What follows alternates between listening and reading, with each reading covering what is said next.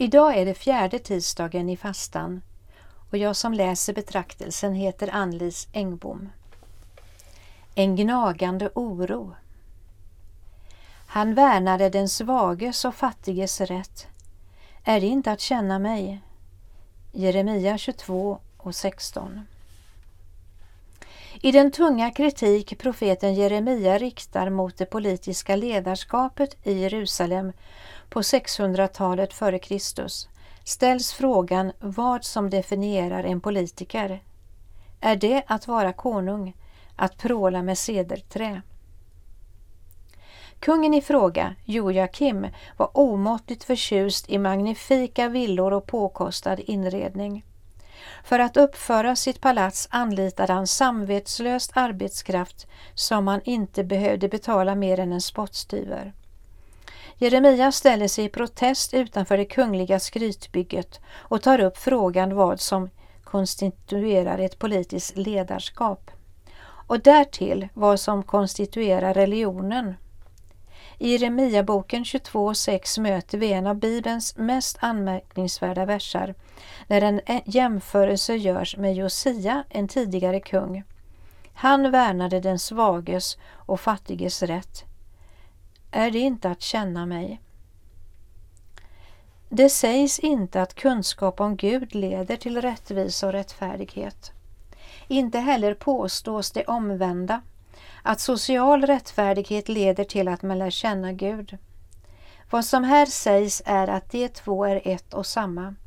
Att värna den svages och fattiges rätt är att känna Gud. Praxis är trons natur, något som genomgående utgör profetians ägg i de bibliska texterna. Ordet rättvisa används flitigt av profeterna nästan alltid sida vid sida med ordet rättfärdighet. De två utgör en catchphrase, ett slags valspråk för en samhällsordning som utmärks av omsorgen om de svagaste. När profeterna talar om att den fasta Gud vill se är rättfärdighet rör det sig inte om en abstrakt religiös dygd utan något mycket mer konkret. Att öppna handen för främlingen, den fattige och den föräldralöse. Ingenting, allra minst värnandet om den egna välfärden och säkerheten, kan urskulda en orättfärdig behandling av de svagaste medlemmarna i den mänskliga gemenskapen. Bibelns profetlitteratur framstår som samtida politiska texter.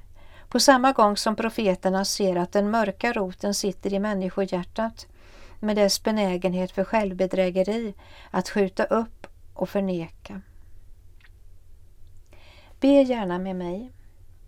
Gud, du är inte tillfreds med hur denna värld ser ut och du förväntar dig att inte heller vi ska vara det. Låt en gnagande oro växa i oss över inkonsekvensen mellan det liv vi lever och det liv du kallar oss till. Amen. Jag vill önska dig en välsignad dag.